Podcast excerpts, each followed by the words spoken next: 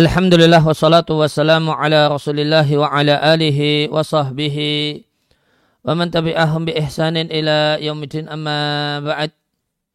Kaum muslimin dan muslimah rahimani wa rahimakumullah kembali kita lanjutkan eh, kajian tafsir suratul fatihah dari kitab Taufiqul Alim karya Sesa'id Al-Qahtani rahimallahu ta'ala kita sampai pada setelah Alhamdulillahi Rabbil Alamin.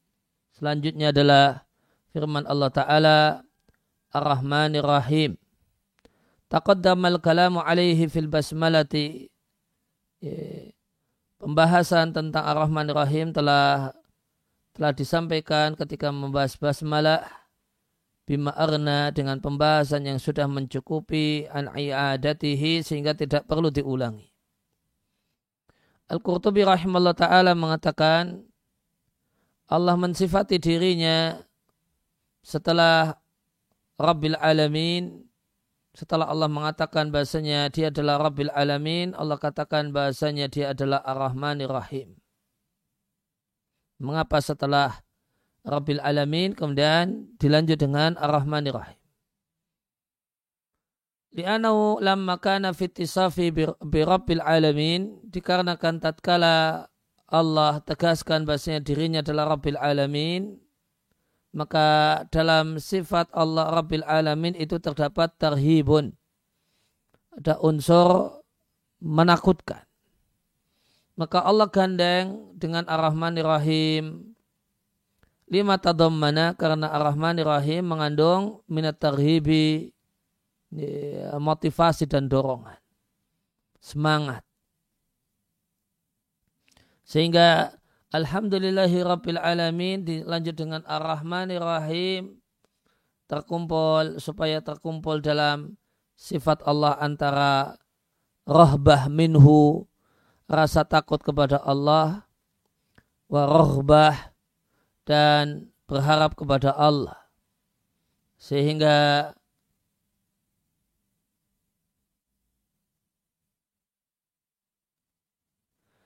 Sehingga de, karena terkumpulnya berharap dan rasa takut maka ini diharapkan awan lebih membantu untuk taat kepada Allah Subhanahu wa taala. Taat berarti berbuat taat wa amna dan lebih menghalangi untuk melakukan kedurhakaan.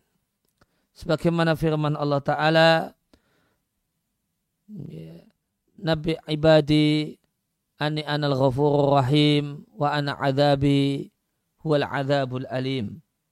Sampaikanlah kepada hamba-hambaku bahasanya aku adalah zat yang maha pengampun dan penyayang untuk orang-orang yang taat, demikian juga orang-orang yang bertaubat. Namun sebaliknya, sesungguhnya siksaanku huwal adabul alim adalah siksaan yang pedih untuk orang-orang yang durhaka dan orang-orang yang tidak bertaubat. Demikian di surat Al-Hijr. Waqal dan Allah Azza wa Jalla berfirman, Ghafir dhambi wa qabili syadidil iqabi dhittawul. Allah adalah zat yang mengampuni dosa, menerima dia taubat, sangat keras siksaannya, dan dia adalah zat yang maha ditawul ya eh, maha perkasa. Saya pastikan dulu.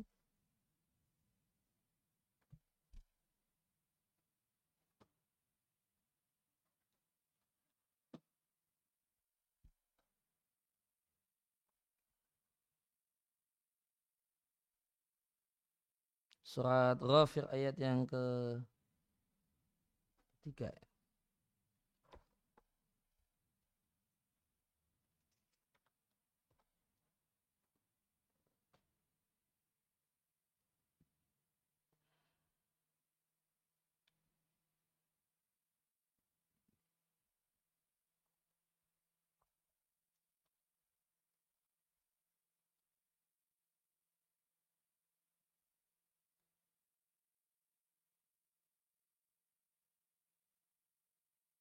Zitaul maknanya sahibil in'am wa tafaddul.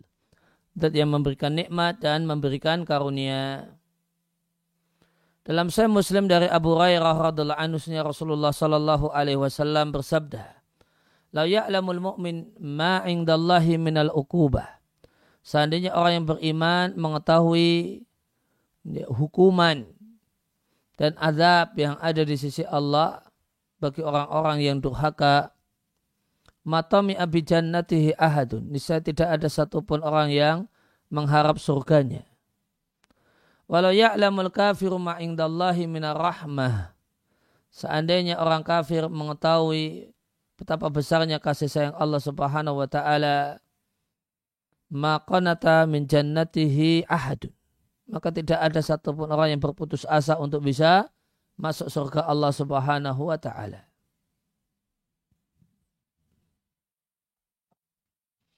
Maka putus asa untuk mendapatkan ampunan dan kasih sayang Allah itu disebabkan ketidaktahuan atau ketidakmaksimalan dalam mengetahui betapa luasnya kasih sayang Allah Azza wa Jalla.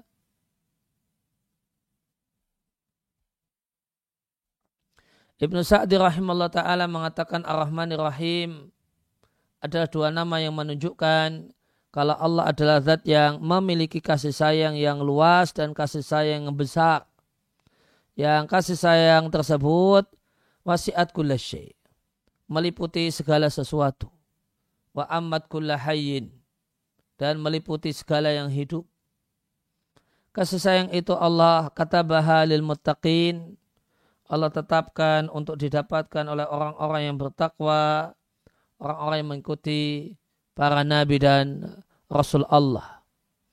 Maka untuk mereka kasih sayang Allah yang sempurna. Mutlakah di sini maknanya sempurna. Adapun orang selain mereka falahum nasibun minha. Maka bagi mereka bagian persentase porsi dari kasih sayang Allah Subhanahu wa taala namun tidak sempurna. Dan ketahuilah bahwasanya di antara kaidah yang disepakati di antara salaful ummah dan para imam adalah mengimani nama-nama Allah dan sifat-sifatnya. Demikian juga mengimani ahkam sifat. Konsekuensi dari sifat. Eh, misalnya contohnya mereka mengimani bahasanya Allah Ar-Rahman Rahim. Ini uh, mengimani nama. Kemudian yang kedua, Durrahmatillati tasafa biha. Allah adalah zat yang memiliki kasih sayang, yang kasih sayang itu menjadi sifatnya. Nah, ini ini mengimani sifat yang terkandung dalam nama. Kemudian yang ketiga adalah mengimani ahkamus sifat.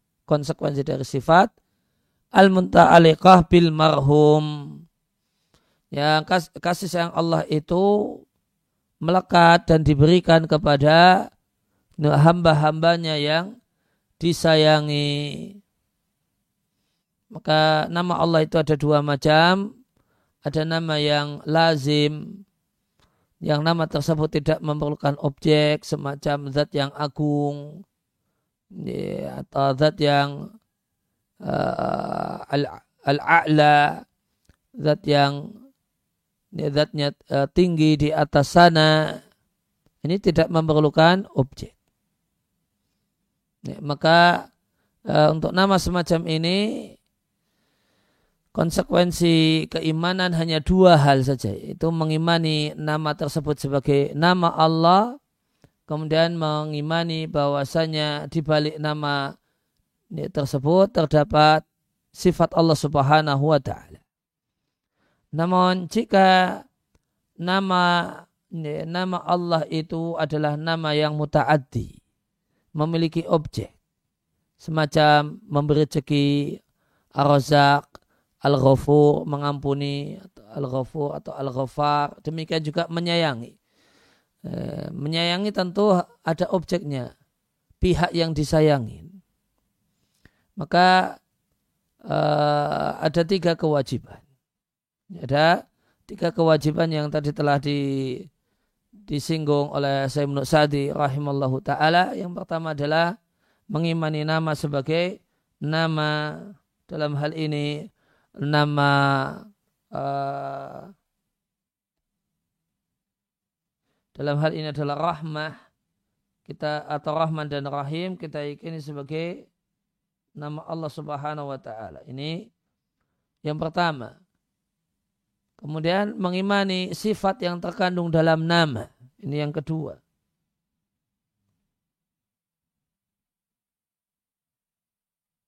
Kemudian mengimani ahkamu sifat. Konsekuensi dari sifat.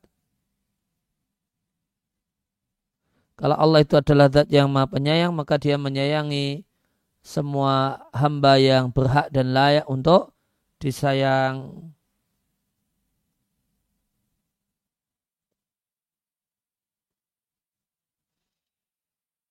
Kemudian uh, sayang itu berbeda dengan memberi nikmat.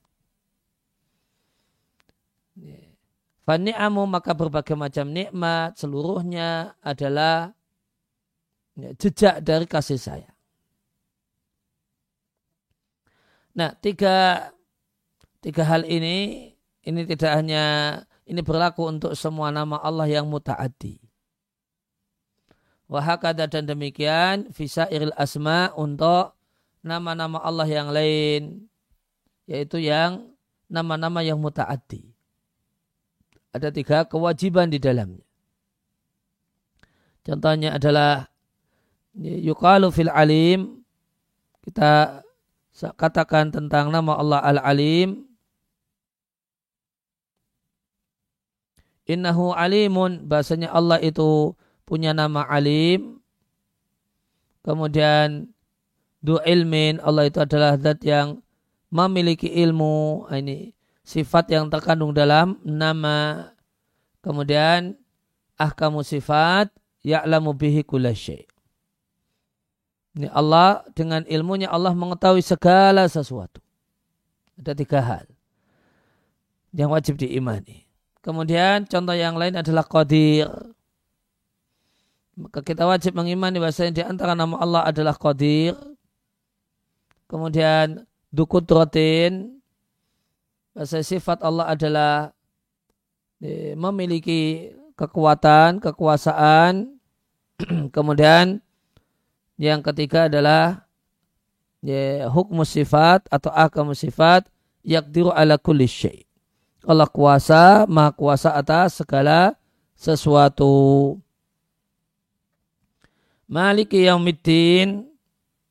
Ini ada dua cara baca. Sebagian qura, sebagian ahli kiraah membacanya pendek. Maliki yaumiddin. Dan yang kedua ada yang membacanya panjang. Maliki yaumiddin. Dua-duanya adalah bacaan yang sahih. Bacaan yang mutawatir. Fisabai dan bagian dari tujuh kiraah. Ibnu Bas rahimahullah ta'ala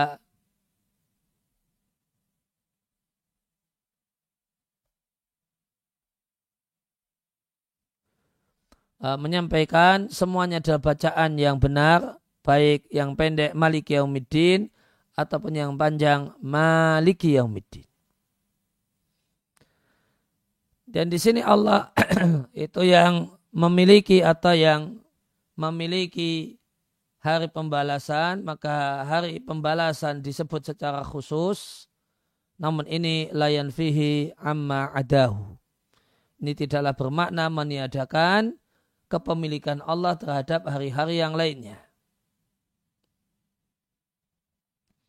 Karena telah lewat informasi bahwasannya Allah adalah Rabbul Alamin dan sehingga dan ini adalah bersifat general di dunia wal akhirah di dunia dan di akhir.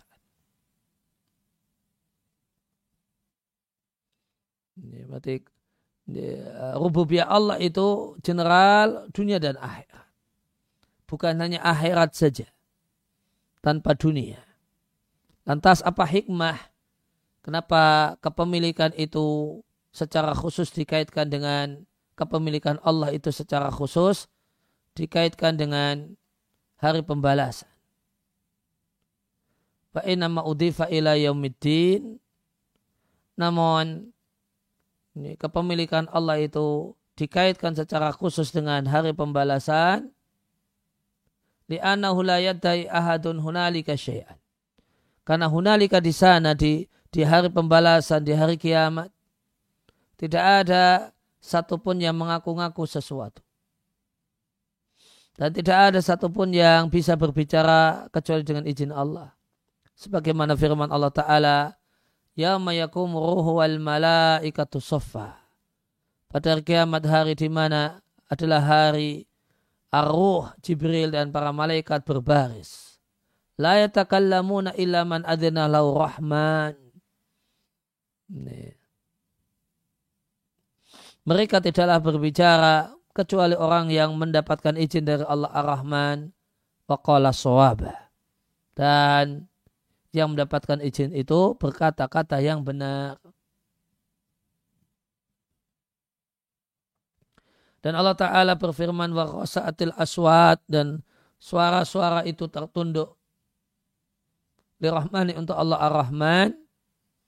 Fala tasma'u maka yang diizinkan untuk berbicara maka dia tidaklah ber, maka tidaklah engkau mendengar illa hamsa kecuali bisik-bisik. Kecuali ucapan yang lirih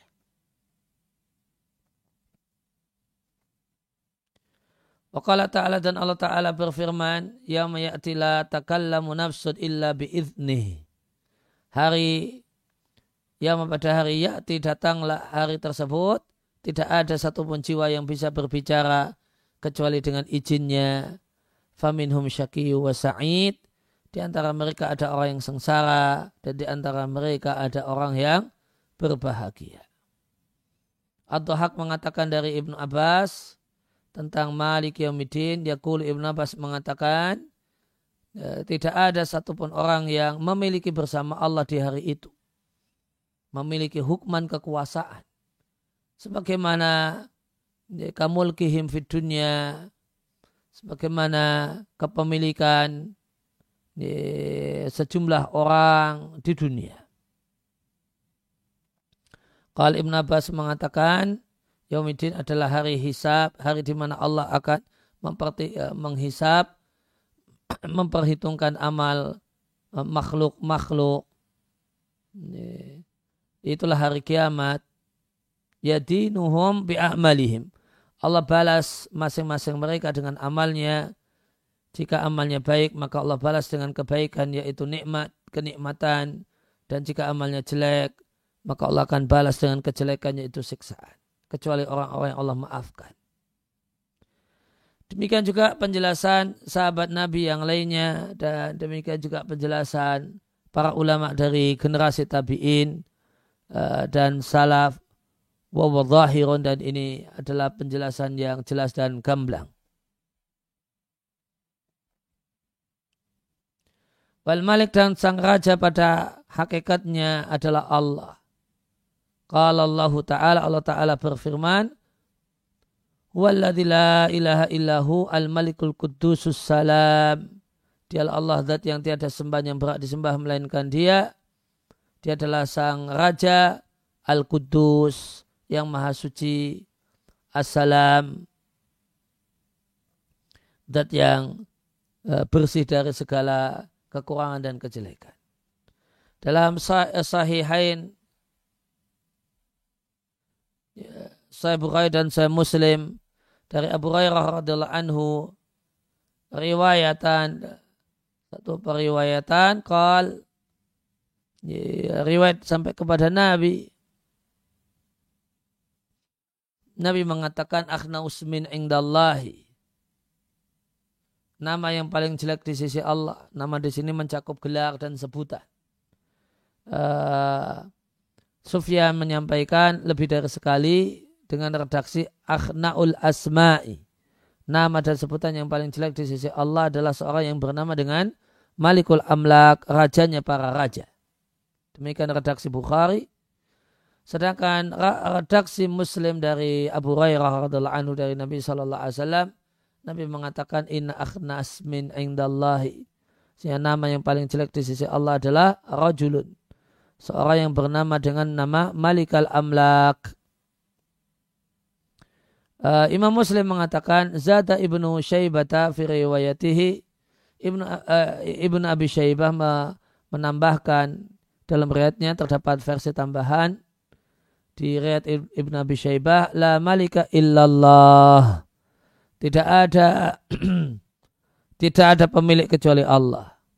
Wa fihima dan diatkan Bukhari dan Muslim dari Abdullah bin Umar Rasulullah sallallahu alaihi wasallam bersabda Allah melipat langit pada hari kiamat. Kemudian Allah memegangnya dengan tangannya yang tangan kanannya. Kemudian Allah mengatakan anal malik. Aku adalah sang raja. Ainal jabbarun di manakah itu orang-orang yang sombong? Ainal mutakabbirun? Di manakah orang-orang yang menyombongkan diri? Kemudian Allah melipat bumi dan dengan tangan kirinya. Kemudian Allah berfirman, Ainal Malik, aku adalah sang raja, Ainal Jabbarun, di manakah orang-orang yang menyombongkan diri, Ainal Mutakabbirun, di manakah orang-orang yang sombong.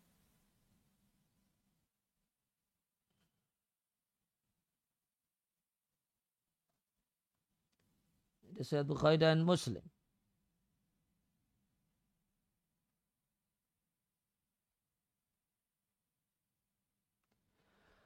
Nah, kemudian dalam Al-Quran ya, Allah katakan limanil mulkul yaum. Ya, siapakah pemilik kerajaan di hari ini? Jawabannya lillail wahidil qahar milik Allah zat yang esa dan zat yang maha perkasa maka keesaan Allah itu berbarengan erat dengan keperkasaannya. Adapun selain Allah bernama di dunia dengan Malik sang raja, maka ini adalah majas karena uh, raja hakiki adalah Allah. Dalilnya firman Allah Ta'ala dan ini boleh saja uh, di dunia ada seorang yang bernama dengan Malik, sang raja. Dalilnya Inna Allah qad ba'asalakum talutah malika. Sungguh Allah telah mengutus Talut sebagai raja untuk kalian. Allah ceritakan wa kana wara'ahum malikun. Di, di depan sana terdapat seorang raja. Wara' di sini maknanya amama. di depan sana. Ini di kisah Khadir. Di, maka wara' itu tidak mesti artinya di belakang, kadang artinya di depan. Ija'ala fikum anbiya wa ja'alakum muluka. Karena Allah jadikan di tengah-tengah kalian para nabi dan Allah jadikan di tengah-tengah kalian ada yang sejumlah raja-raja. Dalam sahihain Nabi menyampaikan bahasanya uh, pasukan perang dari umat beliau yang berperang di lautan. Itu mislul muluki alal asirati. Seperti para raja yang duduk di atas singgah sana. Kemudian Malik Yaumiddin, din artinya al-jaza wal hisab. Balasan amal dan perhitungan amal sebagaimana firman Allah Ta'ala. Yauma idzin yuafihimullahu dinahumul haq. Pada hari itu Allah berikan kepada mereka balasan untuk mereka, balasan yang benar. Demikian juga firman Allah Ta'ala, A'inna lamadinun ay majziyun. Apakah kami ini akan mendapatkan balasan dan akan dihisap. Dan dalam hadis ya, diriatkan dari Syadat Ibn Aus yarfa'uhu marfu' sabda Nabi Nabi Shallallahu Alaihi Wasallam menyampaikan al kayisu mandana nabsahu. Ini orang yang cerdas itu adalah orang yang kalau di sini dana artinya hisap. Orang yang menghisap dan mengevaluasi dirinya. Wa amila lima ba'dal mau dan beramal untuk kehidupan setelah kematian. Sedangkan orang yang tercela adalah orang yang ye, ye, jiwanya mengikuti hawa nafsunya, artinya berbuat semaunya, setelah itu watamanna alallahi berangan-angan yang indah-indah pada Allah Subhanahu wa taala. Nah, kalau dana di sini artinya hasabah. Mandana uh, dana nafsahu. Ai hasaba nafsahu li nafsihi menghisap dirinya untuk dirinya. Maka uh, sehingga din itu bisa jaza, bisa hisap. Contoh din artinya jaza tadi. Inna lamadinun ay majaziyun muhasabun atau yafihmullahu dinahumul haq. Allah akan berikan balasan yang benar untuk mereka dan ada yang tegas uh, maknanya hanya hanya hanya hisab tanpa jaza kita jumpai di hadis al kaisu mandana nafsa. Meskipun di sini dinilai daif oleh sebagian ulama catatan kaki empat. Musnad Ahmad Tirmidzi Ibnu Majah. Uh, Hasan al-Baghawi ada yang menilai Hasan Hasan al-Baghawi fi syarih sunnah. Dan An-Nawawi mendiamkan nilai Hasan dari Tirmidzi di Riyadus Salihin. Dinilai Hasan oleh Tirmidzi, Baghawi dan Baghawi. Dan disepakati oleh An-Nawawi di Riyadus Salihin. Ya, uh, ya, dinilai Hasan oleh sebagian ulama dan Daif menurut sebagian ulama yang lain. Sebagaimana perkataan Umar hasibu anfusakum qabla an tuhasabu. Perhitungkanlah diri kalian sebelum uh, hisaplah diri kalian sebelum kalian dihisap. Timbanglah diri kalian sebelum kalian ditimbang. Dan bersiap-siaplah untuk perjumpaan terbesar. Itu perjumpaan dengan Allah. Berjumpa dengan zat yang la tarfa alaihi a'malukum. Semua amal kalian dia ketahui La takfa di sini terjemah bebasnya mengetahui. Terjemah la taklaknya tidak samar. Ya, tidak samar itu apa? Jelas. Jelas itu apa? Tahu. Dia adalah zat yang mengetahui semua amal kalian. Yawma idin tu'raduna la takfa minkum khafiyah. Di hari itu kalian akan di dia dihadapkan dan tidak ada satupun yang tidak ada satupun yang samar. Semuanya jelas. Al-Haqqah ayat yang ke-18.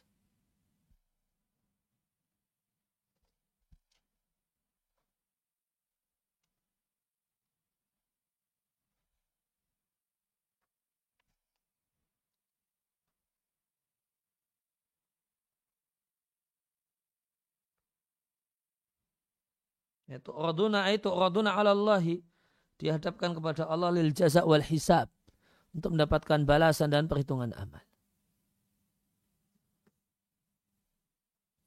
As-Sa'di eh, Ibnu Sa'di rahimahullah taala mengatakan Malik Yaumiddin. Artinya Al-Malik sang pemilik adalah manita sofa bisifatil milki. Adalah zat yang bersifat dengan sifat kepemilikan yang di antara jejaknya adalah memerintah, melarang, memberi pahala, memberi hukuman, dan melakukan tindakan. Bima malikihi di kerajaannya. Dengan semua bentuk tindakan yang dia inginkan. Dan kerajaan itu dilekatkan. Kerajaan kepemilikan Allah itu dilekatkan dengan hari Yaumiddin yang maknanya adalah Yaumul Qiyamah. Karena di hari tersebut adalah hari manusia dibalas terhadap amal-amal mereka baiknya ataupun jeleknya. Fidha likal yaum karena di hari itu nampaklah yadharu lil khalqi tamamadzuhur kerajaan Allah itu jelas di hadapan para makhluk betul-betul jelas. Demikian juga e, nampak jelas sempurnanya kepemilikan Allah, sempurnanya adilnya Allah, keadilan Allah dan hikmahnya Allah. Wong kita dan di hari itu terputus sudah kepemilikan para makhluk. Hatta sehingga anaus yastawi sama saja di hari itu para raja dan rakyat, para hamba dan budak dan orang-orang merdeka. Semuanya tunduk terhadap keagungan Allah Subhanahu wa taala. Semuanya tunduk terhadap kemuliaan Allah. Semuanya menunggu pembalasan amal dari Allah. Mengharapkan pahalanya dan takut dengan hukumannya. Falidhalika karena hal tersebut, maka hari pembalasan disebutkan secara khusus. Meskipun sebenarnya dia Allah adalah sang pemilik hari pembalasan dan hari-hari yang lain. Sang Qati rahimahullah ta'ala mengatakan Malik Yawmiddin. Allah tidak jelaskan di sini di suratul Fatihah. Non Allah jelaskan lebih lanjut di di ayat yang lain Wa ma'adraka ma yaumiddin. Tahukah kalian, tahukah engkau apa itu hari pembalasan? Thumma ma'adraka ma yaumiddin. Kemudian tahukah engkau apa itu hari pembalasan? Ini definisi hari pembalasan Allah sampaikan di surat Al-Infitar. Yauma la tamliku nafsun nafsin syai'ah. Hari di mana tidak ada satupun jiwa yang bisa menolong jiwa yang lain syai'an pertolongan apa pun. Yang dimaksud dengan adin di ayat ini adalah al-jaza balasan amal. Di antaranya firman Allah, di antara contohnya din artinya al-jaza adalah firman Allah Ta'ala Yauma idhi yuafihumullahu dinahumul haq. Pada hari itu Allah Subhanahu wa taala memberikan kepada mereka balasan balasannya yang benar, yang benar artinya adil jaza'u a'malihim bil adl. Balasan amal mereka dan Allah balas dengan adil. Kemudian ayat selanjutnya iya karena abudu wa iya karena sa'in kiro'ah sabah e, tujuh kiro'ah dan jumhur ulama Quran membacanya dengan yaknya ditasydid. Iyaka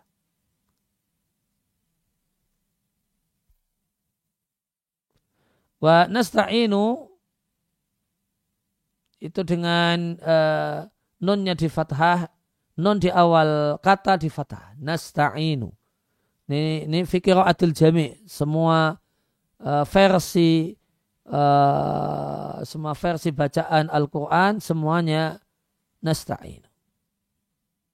Kecuali Yahya Ibn Wathab dan Al-A'mas keduanya mengkasrohkannya.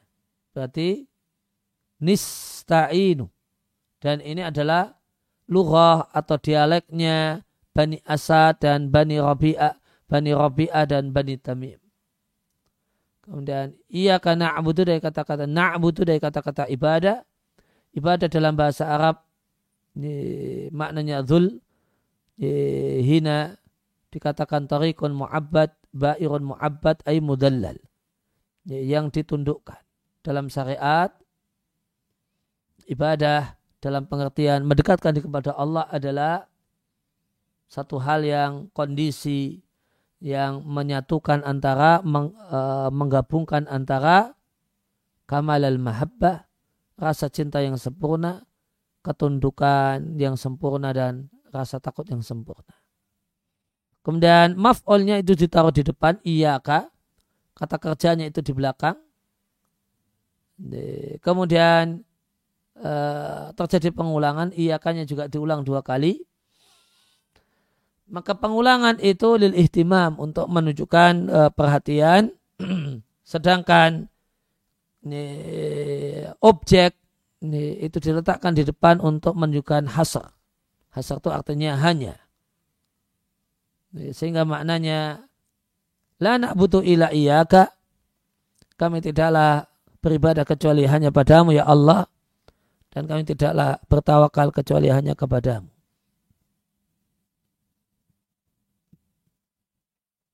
Dan ini adalah dan ini adalah kesempurnaan ketaatan dan agama dan ajaran agama, ajaran Islam seluruhnya itu bisa diperas kembali kepada itu artinya bisa diperas uh, pada dua pesan ini ibadah hanya untuk Allah dan tawakal hanya kepada Allah. Nasta'in itu isti'anah itu lebih dekat kepada tawakal dibandingkan kepada doa.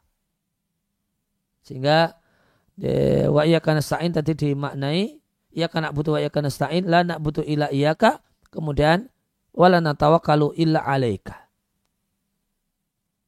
Nah, agama ajaran Islam yang demikian banyak itu bisa dikembalikan diperas kepada dua hal ini ibadah hanya untuk Allah tawakal hanya untuk Allah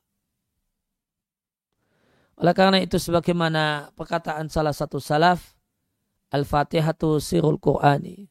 Al-Fatihah itu rahasia Al-Quran. Ya, atau terjemah bebasnya, Al-Fatihah itu intinya Al-Quran. Wasiruha dan intinya Al-Fatihah itu pada pertengahan ayatnya. Iya karena abudu wa iya karena nasta'in. Itu intinya Al-Fatihah. Karena di sinilah tujuan penciptaan manusia dan tujuan penciptaan jin dan manusia. Maka kalimat pertama iya karena abudu ini berlepas diri dari kemusyrikan. Wa iya karena nasta'in ini berlepas diri dari daya dan kekuatan lantas pasrah kepada Allah Azza wa Jalla. Wahadal makna dan hal ini ibadahnya untuk Allah tawakal plus tawakal hanya untuk Allah pesan semacam ini fi ghairi ayatin minal Qur'ani terletak dalam banyak ayat dalam Al-Quran. Contohnya firman Allah Ta'ala di surat Hud fa'buduhu wa tawakal alaih. Sembahlah dia Allah dan tawakallah hanya kepadanya. Wa ma rabbuka bighafilin amma ta'malun dan Rabbmu tidaklah lalai ya, tentang apa yang mereka lakukan. Tentang apa yang kalian lakukan. Contoh yang lain. Kulwa Rahman aman nabih. Kami mengimaninya sama saja peribadahannya padanya. Wa alaihi tawakalna. Hanya kepadanya kami bertawakal. Contoh yang lain di surat Al-Muzammil. Rabbul Masyiki wal Maghrib. Allah adalah Rabbnya timur dan barat. La ilaha illahu. Tiada sesembahan yang berat disembah melainkan dia. Ini sama dengan ia karena abudu. Kemudian fatakhidhu wakila. Ya, maka jadikanlah Allah sebagai tempat untuk bersandar. Demikian juga di ayat yang mulia di suratul Fatihah, ia karena abudu wa ia karena dan di sini ada perubahan e, kata ganti ya. Alhamdulillahirabbil alamin maka Allah itu dia. Ar-Rahmanir Rahim di situ Allah itu dia. Malik Yaumiddin nah, di situ dia. Ketika ia karena abudu itu ber, berganti menjadi e, kata ganti orang yang kedua.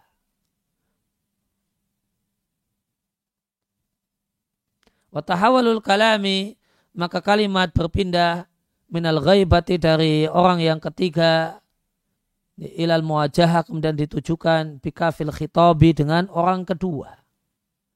Wawa muna, munasabatun dan ini satu hal yang cocok. Li'anna ulama athna ala Allahi. Karena ketika seorang muslim menyanjung, telah menyanjung Allah. Maka dengan menyanjung Allah berarti seakan-akan sudah mendekat seakan-akan mendekat dan hadir di hadapan Allah Ta'ala. Fali, fali hadha qala, maka oleh karena itu kemudian Allah katakan iya karena abudu wa iya karena sa'in.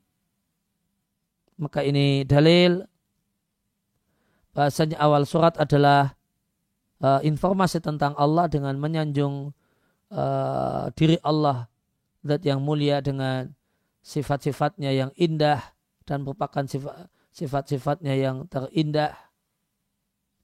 Dan secara tidak langsung ini adalah irsyad bimbingan untuk para hamba, para hamba Allah supaya menyanjung Allah dengan sifat-sifat tersebut.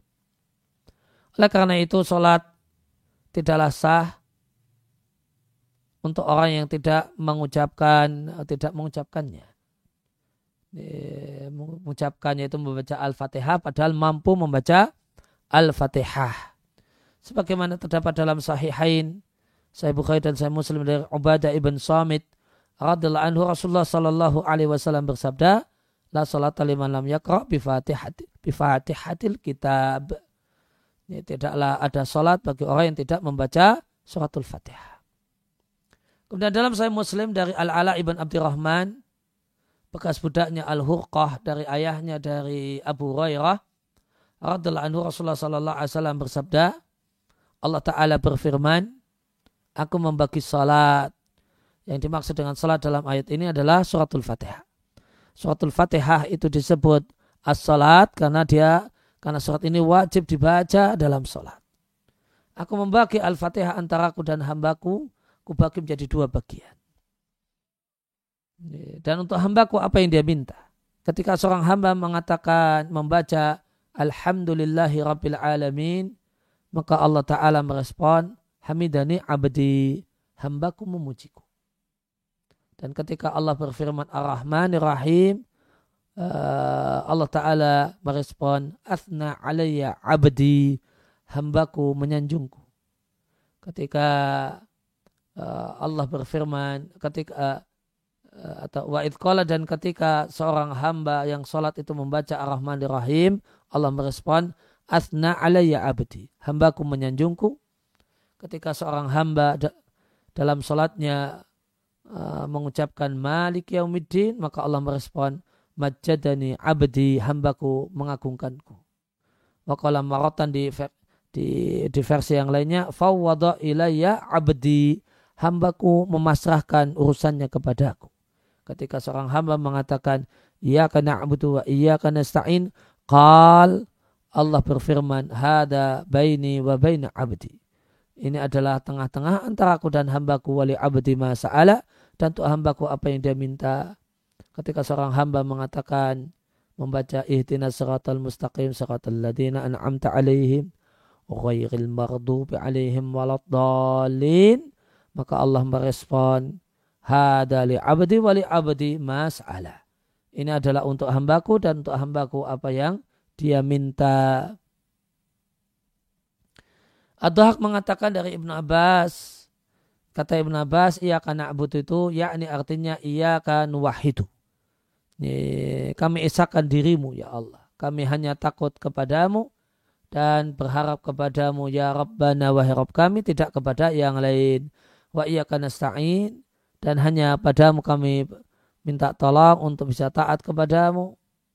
Wa ala umurina kulliha dan semua urusan kami. Qatadah mengatakan iya karena abudu wa iya karena stain. Allah perintahkan Allah memerintahkan kalian untuk memurnikan ibadah hanya untuknya dan supaya kalian minta tolong kepada Allah dalam segala urusan kalian. Kalian bersandar dan bertawakal kepada Allah dalam semua urusan kalian. Wa ina maqaddama iya karena di diletakkanlah di depan iya karena. Baru setelah itu baru iya karena stain Kenapa ia akan butuh dulu baru ia akan nasta'in? Karena ibadah itu adalah maksud. Dan isti'anah, tawakal, dan berharap pertolongan Allah adalah sarana untuk bisa ibadah.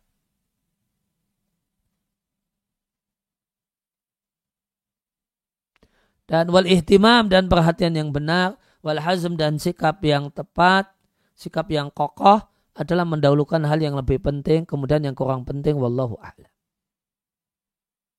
Jika ada yang mengatakan lantas apa makna non? Apa makna non dalam iya karena abudu wa iya karena sa'in? Ya, kenapa kami? Ini padahal yang mengucapkan satu orang.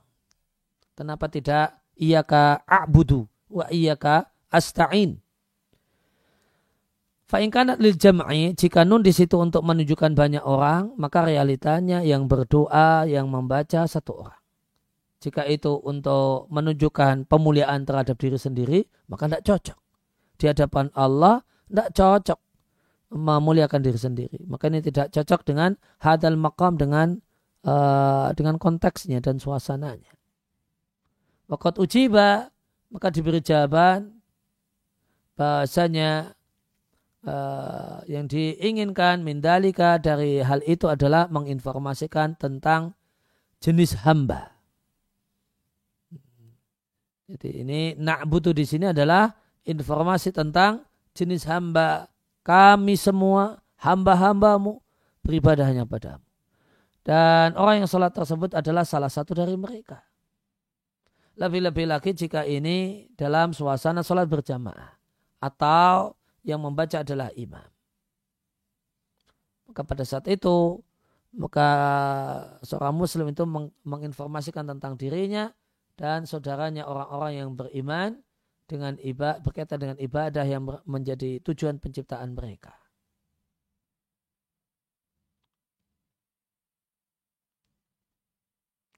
Watawassatalahum bi khairin maka seorang musalli di sini menjadi perantara untuk saudara-saudaranya yang beriman dalam kebaikan. Namun ada ulama yang mengatakan ya, na'budu dan nasta'inu di sini boleh saja fungsinya adalah li ta'zim untuk memuliakan diri sendiri. Sehingga seakan-akan seorang hamba ketika disampaikan kepadanya. Sehingga maknanya apa? E, seakan-akan seorang hamba itu disampaikan kepadanya jika engkau berada dalam ibadah, maka engkau orang yang mulia. Dan e, kedudukanmu itu aridun luas. Keduk, e, pangkat dan kedudukanmu itu lebar. Fakul, oleh karena itu katakan iya karena audu iya karena stain. Namun seandainya engkau itu di luar ibadah, maka janganlah engkau katakan nahnu kami. Dan jangan katakan fa'alna kami lakukan. Walaupun yaitu yaitu yang artinya adalah pemuliaan. Meskipun engkau adalah uh, berada dalam uh, ribu atau satu juta uh, manusia. Meskipun berada di tengah-tengah mereka. Karena semuanya membutuhkan Allah dan fakir dan membutuhkan dan memerlukan Allah Subhanahu wa taala. Dan ada juga ulama yang menjelaskan bahasanya ia karena abudu itu lebih lembut untuk uh, dalam ketawaduan daripada jika menggunakan bentuk fi'il madhi. Ia ka abadna. Karena kalau pakai fi'il madhi, ka abadna, uh, maka di sana ada memuliakan diri sendiri. Minjak lihi nafsahu menjadikan dirinya sendiri itu yang layak untuk beribadah kepada Allah. Yang eh, yang kesannya Allah yastati ahadun tidak ada seorang pun yang mampu untuk menyembah Allah dengan sebenar-benar ibadah dan tidak bisa dan tidak mampu menyanjung Allah sebagaimana sanjungan yang layak bagi Allah. Dan ibadah adalah suasana dan kedudukan kedudukan yang agung. Dengannya seorang hamba dimuliakan karena dia menasabkan kepada sisi Allah. Sebagaimana firman uh, kama qala ba'dun sebagaimana ada yang mengatakan la tada'u uh, Eh, la tada'uni janganlah engkau panggil aku kecuali dengan ya abdah. Ini jatuh cinta dengan perempuan. Maka jangan panggil aku kecuali wahai hambanya fulana. Fa innahum maka hamba bagi fulana kekasihku adalah asrafu asma'i adalah sebutan yang paling mulia bagiku.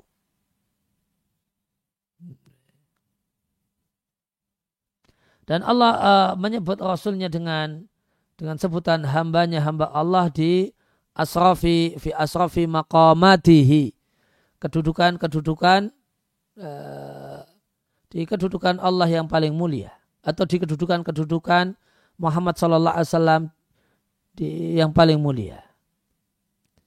Ketika Allah hendak menyampaikan bahasanya Allah memberikan nikmat berupa menurunkan kitab suci kepada sang Nabi sallallahu alaihi wasallam Allah katakan Alhamdulillahilladzi anzala ala abdihil kitabah. Maha suci Allah, uh, segala puji milik Allah zat yang menurunkan untuk hambanya Muhammad sallallahu alaihi wasallam Alkitab Al-Quran.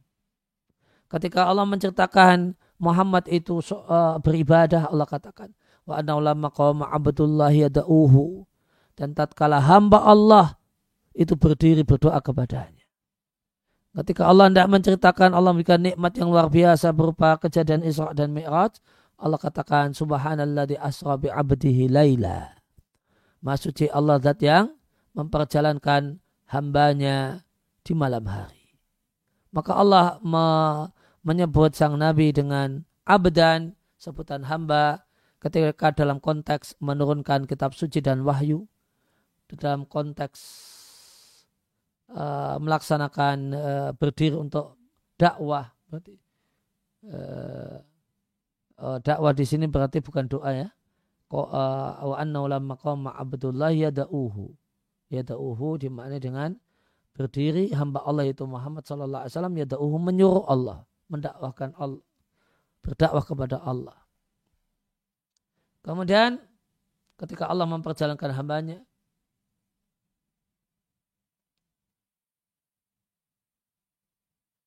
Allah sebut dengan hamba. Dan Allah pun memberikan bimbingan kepada sang Nabi untuk melaksanakan ibadah di waktu sempitnya dada beliau karena pendustaan dari orang-orang yang menyelisihi. Di mana Allah berfirman, Walakad na'alamu. Sungguh kami mengetahui annaka yadiku sadruka. Dadamu itu terasa sempit. Bima yakulun gara-gara ucapan mereka. Fasabbih.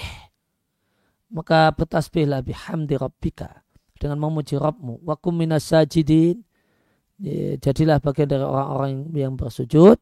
Wa abud rabbaka hatta ya'tiyakal yakin. Sembahlah Allah sehingga uh, sampai datang kepadamu sesuatu yang yakin dialami oleh semua manusia. Semua yang hidup yaitu kematian.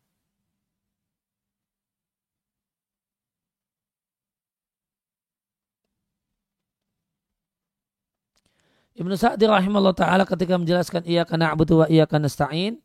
Artinya kami khususkan engkau semata ya Allah. Kami khususkan ibadah itu semata untukmu ya Allah. Dan isti'anah juga, tawakal juga khusus untukmu. Karena makmul sasaran kata kerja diletakkan di depan dibandingkan kata kerjanya itu menunjukkan hasar. Menunjukkan hanya. Yaitu isbatil hukmi lil madhkur menetapkan hukum untuk yang disebutkan dan meniadakan untuk yang lainnya. Sehingga seakan-akan seorang yang sholat itu mengatakan, kami menyembahmu dan kami tidak menyembah selainmu. Kami bertawakal padamu dan tidak tawakal kepada selainmu. Dan ibadah diletakkan lebih dulu pada isti'anah dalam rangka mendahulukan uh, yang lebih luas daripada yang lebih sempit. Maksudnya isti'anah itu bagian dari ibadah. Di antara bentuk ibadah ada ibadah hati, namanya isti'anah, mengharapkan bantuan dan pertolongan Allah Subhanahu wa taala.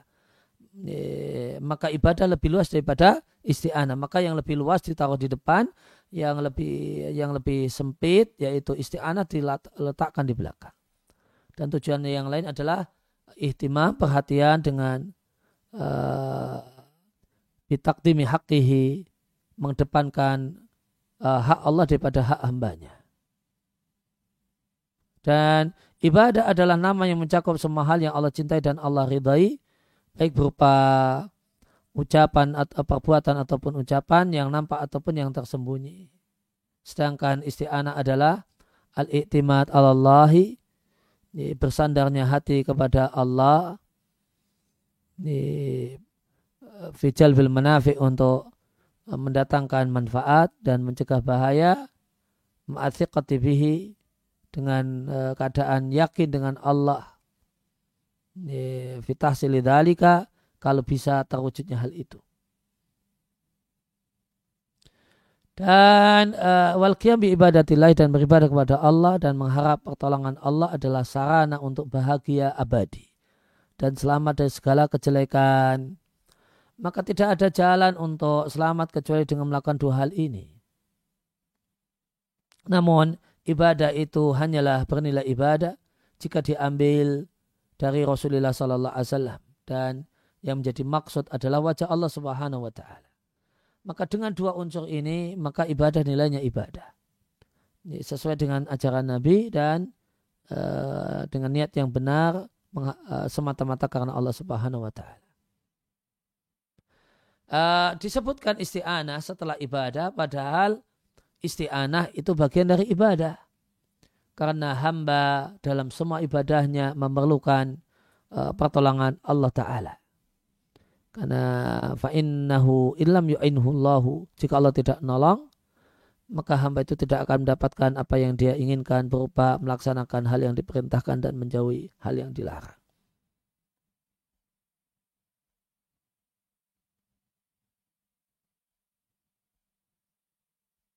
Ya demikian yang bisa di, dibacakan dan disampaikan di kesempatan kali ini. Mudah-mudahan jadi ilmu yang bermanfaat untuk saya pribadi dan semua yang menyimak kajian ini. Wassalamualaikum ala Nabi Muhammadin wa ala alihi wa wasallam. Wa akhir da'wana alhamdulillahi rabbil alamin. Subhanakallahumma wa bihamdika asyhadu an la ilaha illa anta astaghfiruka wa atubu ilaik.